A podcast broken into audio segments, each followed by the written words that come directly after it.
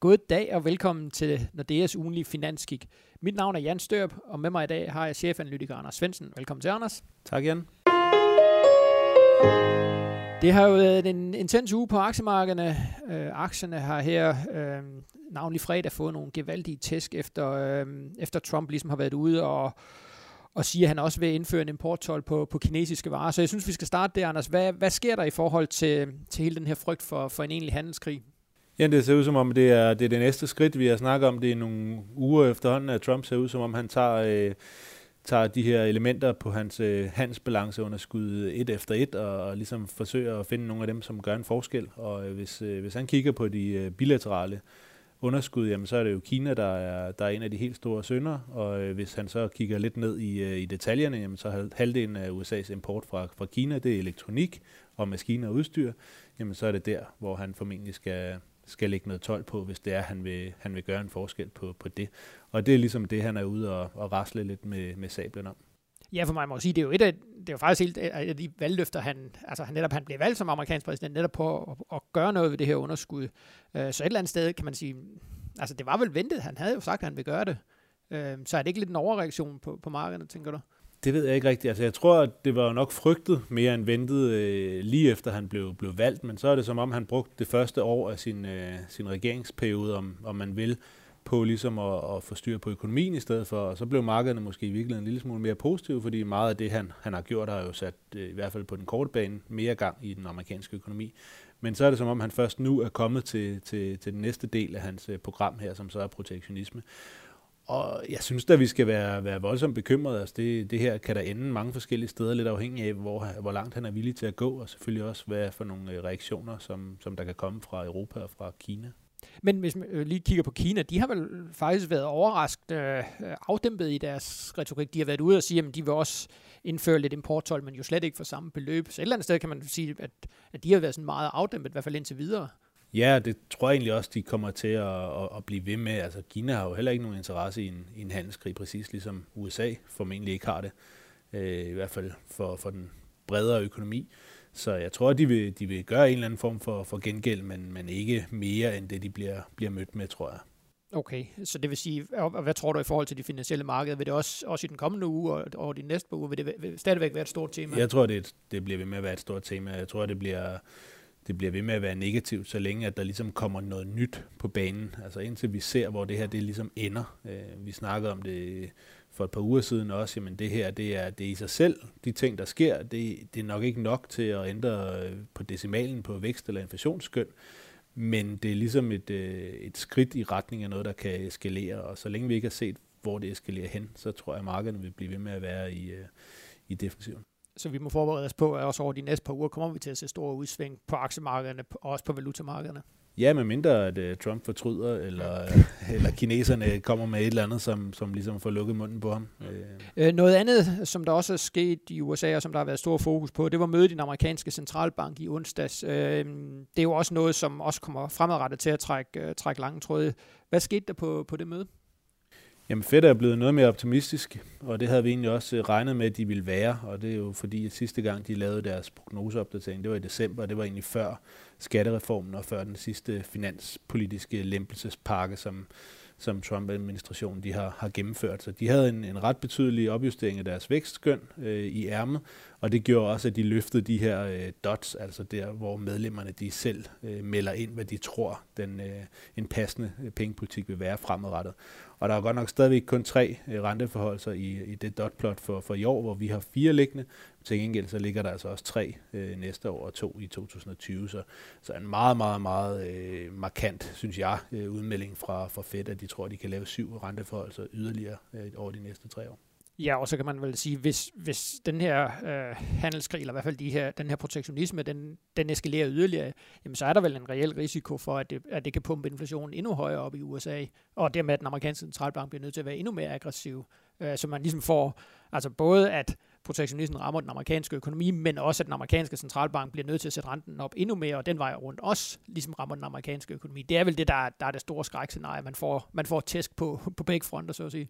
Ja, helt sikkert, men der kan man også sige, at så længe aktierne så reagerer så negativt, som, som det ser ud nu, ikke, hvor øh, vi nu er nede på, på året på, på S&P 500, jamen så, så er der måske også en, en risiko for, at, at bekymringen for, at væksten aftager, den vil være endnu større end bekymringen for, at inflationen tager til på grund af det her. Det vil være øh, enkelstående løft i inflationen, hvis vi får for eksempel en, en, 12, øh, en stigning i tolvsatsen på, på nogle flere varer, men det vil ikke være noget, der har en varig effekt på, på inflationen, mens at det her kan let være noget, som har en negativ effekt på, på væksten, også på lidt længere sigt. Så jeg tror i virkeligheden, at så længe vi ser aktierne falde, øh, så, så tror jeg i virkeligheden, at Fed kunne være lige så øh, lige så meget sådan bekymret for væksten, som de kunne være bekymret for inflationen.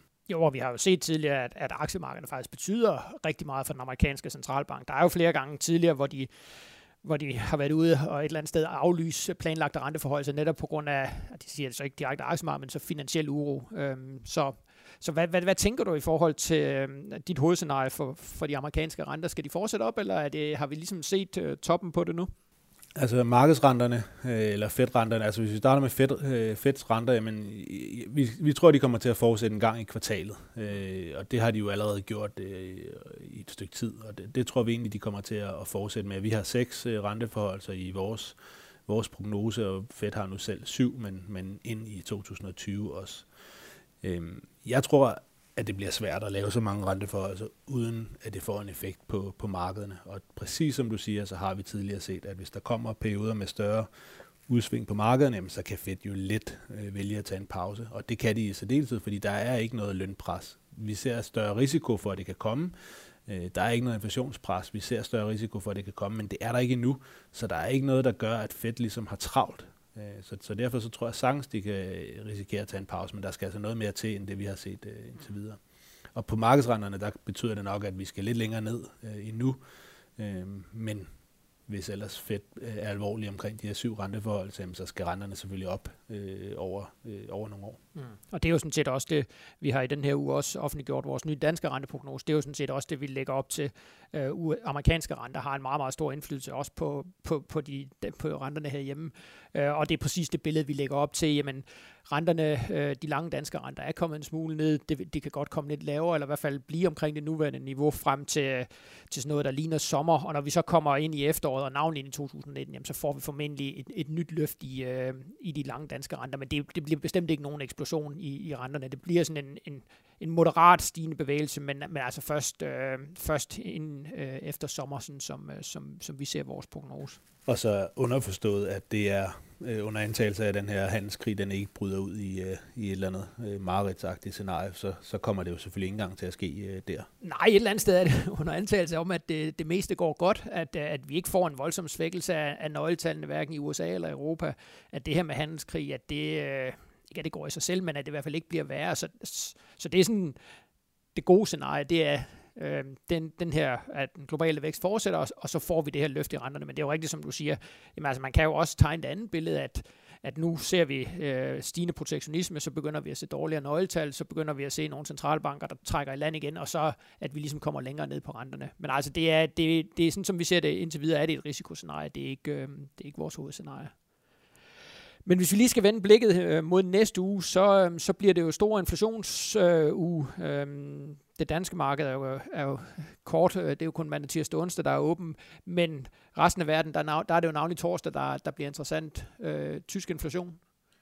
Ja, og der kommer vi især til at kigge efter, efter påskeeffekter. Øh, påsken kommer jo så til at falde i, i marts, eller i hvert fald dele af påsken kommer til at falde i marts, og der ser vi jo tit, at sådan noget som, øh, for, som flyrejser for eksempel, øh, at det stiger op til, til påsken, og det, det kommer så til at være en, en, en måned tidligere. Så vi kan godt se en, en stigning i inflationen i Tyskland, og spørgsmålet er, om, øh, om markedet ligesom begynder at frygte lidt, at der også kommer noget inflation i, i øvre områder, og ligesom tager øh, forskud på, på den bekymring, alene på baggrund af sådan et tal, som måske i virkeligheden er lidt, øh, lidt påskeramt. Men ellers er det vel ikke det, vi generelt har set med inflationen i euroområdet. Næsten tværtimod har den jo været, øh, har den jo været faldende over de sidste par måneder. Øh. Bestemt. Noget af det er så øh, energipriser, men, men selv hvis vi kigger på, på kerneinflationen, så har den jo i bedste fald været, været stabil. Øh, underliggende igen, altså momentum i kerneinflation, der er en, en, lille, en lille pil opad, men det er godt nok fra et meget lavt øh, udgangspunkt. Mm. Og, og bare lige for at understrege, altså det er jo inflation, der bliver helt afgørende i forhold til, øh, øh, hvad man skal forvente af den europæiske centralbank. Vi så jo faktisk også her i løbet af ugen, at, at der opstod rygter, og øh, jeg har ikke, fandt aldrig helt ud af, hvor de rygter kom fra, men at den europæiske centralbank måske alligevel vil stoppe endelig deres opkøbsprogram her, øh, her til udgangen af september, og med det samme så, så steg de, de lange renter kraftigt, og så da der ikke rigtig var nogen, der var ude at bekræfte det her rygte, så faldt de tilbage. Men der er vel meget stor nervøsitet omkring den europæiske centralbank. Et eller andet sted måske også usikkerhed om, hvad, hvad de gør. Ja, og de har lidt det problem med deres, øh, deres guidance, som det er lige nu. Den, den går på, på deres øh, QE-program, altså på deres, øh, deres nedskalering af, af QE-programmet. Og nu har de jo sagt, at de har tænkt sig at købe op for de her 30 milliarder om måneden indtil september, øh, og så skal renterne først øh, sættes op et godt stykke tid derefter. Men, men spørgsmålet er, om de kommer til at gå fra 30 til 0. Fordi hvis de gør det, jamen, så kan et godt stykke tid efter, det kan jo være i foråret 2019, men hvis de kommer til at skalere ned en gang mere, sådan som vi har liggende i vores prognose, og de kommer til at have et halvt år med, med 15 milliarder om måneden, jamen så er et godt stykke tid efter, de er færdige med deres opkøbsprogram, jamen det er så først i efteråret næste år. Så derfor så har det ret stor betydning, og ECB har jo sagt flere gange her i starten af året, at de vil gerne ændre deres guidance lidt, sådan så guidance går mere på en sammenhæng mellem mellem inflationen og renten direkte mere end det her med, om de lige kommer til at gå fra 30 til 15 eller fra 30 til 0. Mm. Og, der, og igen, der kan det ligesom den amerikanske centralbank, hvis der kommer en periode nu her med, med større finansiel uro, så er det vel også noget af det, der kan påvirke dem, og måske få dem til at, at forlænge det her opkøbsprogram, og måske lade være med at komme med, fordi de er bange for øh, at ændre den her guidance, fordi de er bange for, at, at det skaber endnu mere, øh, ikke panik, men i hvert fald uro på de finansielle markeder. Helt sikkert, altså ECB skal heller ikke have klinket noget, så, så er der bare den mindste smule øh, uro, og, og i Europa kan man måske se deltid være bekymret for, at euroen skal blive for stærk, eller dollaren skal blive for svag igen. Selvfølgelig er det generelt sådan, at dollaren bliver, bliver styrket, når det er risk-off-scenarier, men vi har set mange gange, når den risk-off kommer fra USA selv, jamen, så kan vi sagtens se en svagere dollar i sådan et scenarie. Så øh, jeg vil helt klart tro, at, at i, i ECB, der bekymrer de sig for, at den her finansielle uro lige pludselig kan give sådan et ordentligt skub til, til en svagere dollar, en stærkere euro, som så tager inflationen ned, når den allerede kun lige er begyndt at sådan titte en lille smule op. Ja, og så vil, de, så vil de et eller andet sted skulle forlænge deres opkøbsprogrammer og, og køre med den her ekstremt lempelige pengepolitik endnu længere, end, end det de regner med. Ja, de har rigtig meget elastik, og de har ikke tænkt sig at beslutte sig for, for noget endnu med de usikkerheder, der er derude. Men det er klart, at øh, afhængig af, hvordan det her det forløber, jamen, så kommer de til at, at enten gøre den elastik lidt længere eller lidt kortere. Og det er noget af det, som bliver rigtig, rigtig interessant frem mod, mod september og bare lige for at understrege det, det er jo også det, der, der bliver helt afgørende for, for renterne herhjemme. Øh, Nationalbanken kommer jo til at følge øh, den europæiske centralbank. Lidt tykt og tyndt, så, så der er ingen, i hvert fald ikke sådan, som vi ser det, øh, særlig stor sandsynlighed for, at Nationalbanken kommer til at sætte renten op tidligere end den europæiske centralbank, og det vil jo også sige, hvis vi får ret i vores prognose, jamen, så har vi øh, så kommer, bliver det først i anden halvdel af 2019, at øh, Lars Rode og kompagni kan, kan lave den første danske renteforholdelse. Og det gør jo så også, øh, lige for at vende tilbage til vores, til vores danske renteprognose, at jamen, de kortrenter, der regner vi sådan set med igennem 2018, der vil de blive mere eller, omkring, mere eller mindre omkring det nuværende niveau, fordi der er, der er forholdsvis lang tid til, til, til den næste renteforholdelse. Vi har jo tidligere set nogle perioder, hvor der har været sådan lidt øh, kapitalindstrømning til Danmark, netop når der har været nogle af de her perioder med uro på de finansielle markeder. Er det noget, som, som vi har, har lagt ind, eller er det simpelthen øh, for svært at, at sige på forhånd? Det er svært at sige, men det er rigtigt, hvis der, kommer, hvis der virkelig kommer uro på de finansielle markeder, så har Danmark jo, fordi vi har det her meget store overskud på betalingsbalancen, de her rigt, de sunde balancer generelt, jamen så har vi jo øh, den her status af, at så vil man gerne, så vil man gerne købe nogle danske statsobligationer, måske også nogle danske realkreditobligationer, øh, netop fordi det er der, hvor der, der er størst sikkerhed. Øh, så, så det kan bestemt være en mulighed. Vi har ikke set det endnu. Øh, kronen ligger sådan lige omkring de her 7,45, så det er sådan i midten af, af det interval, vi har set. Øh, men, men hvis det bliver rigtig grimt på de finansielle markeder, så tror jeg, vi så vil vi se, at både danske investorer og udenlandske investorer vil søge mod Danmark, og så kan vi få en styrkelse af kronen. Men i sidste ende, så vil det jo faktisk betyde, at Nationalbanken, hvis det bliver rigtig, rigtig grimt, kommer til at øh, sætte den danske rente ned for at forsvare fastkurspolitikken. Øh, hvilket jo selvfølgelig i forhold til den retorik, de ellers har omkring udviklingen på boligmarkedet, det her bestemt ikke vil være noget, de synes om. Men altså, der er det jo igen, det er fastkurspolitikken først og fremmest, der, øh, der bestemmer, hvad Nationalbanken gør. Med de ord tror jeg, vi vil sige tak for i dag. Øh, tak fordi I lyttede med, og det håber vi også, at I vil gøre næste gang. Øh, næste gang kommer vi til at sende øh, vores podcast ud allerede onsdag på grund af påske, men vi håber, I lytter med der. Tak for nu.